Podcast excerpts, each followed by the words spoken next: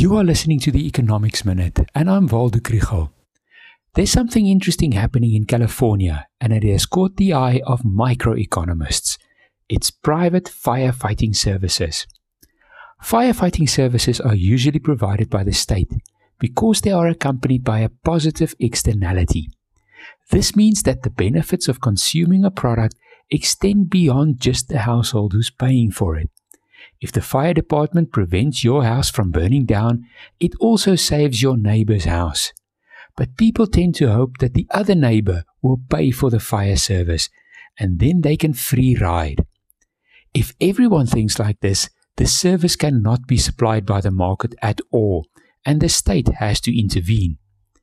But with the California fire season now underway, there are more people buying a fire truck themselves.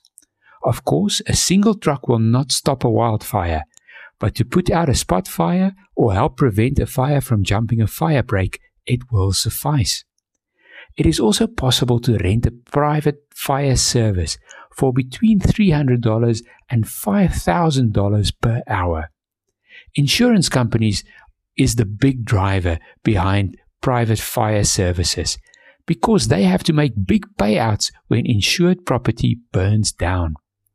The private industry feels that they are supplementing public services, but others argue that the rich already have private schools and hospitals, and now they are also getting private fire services.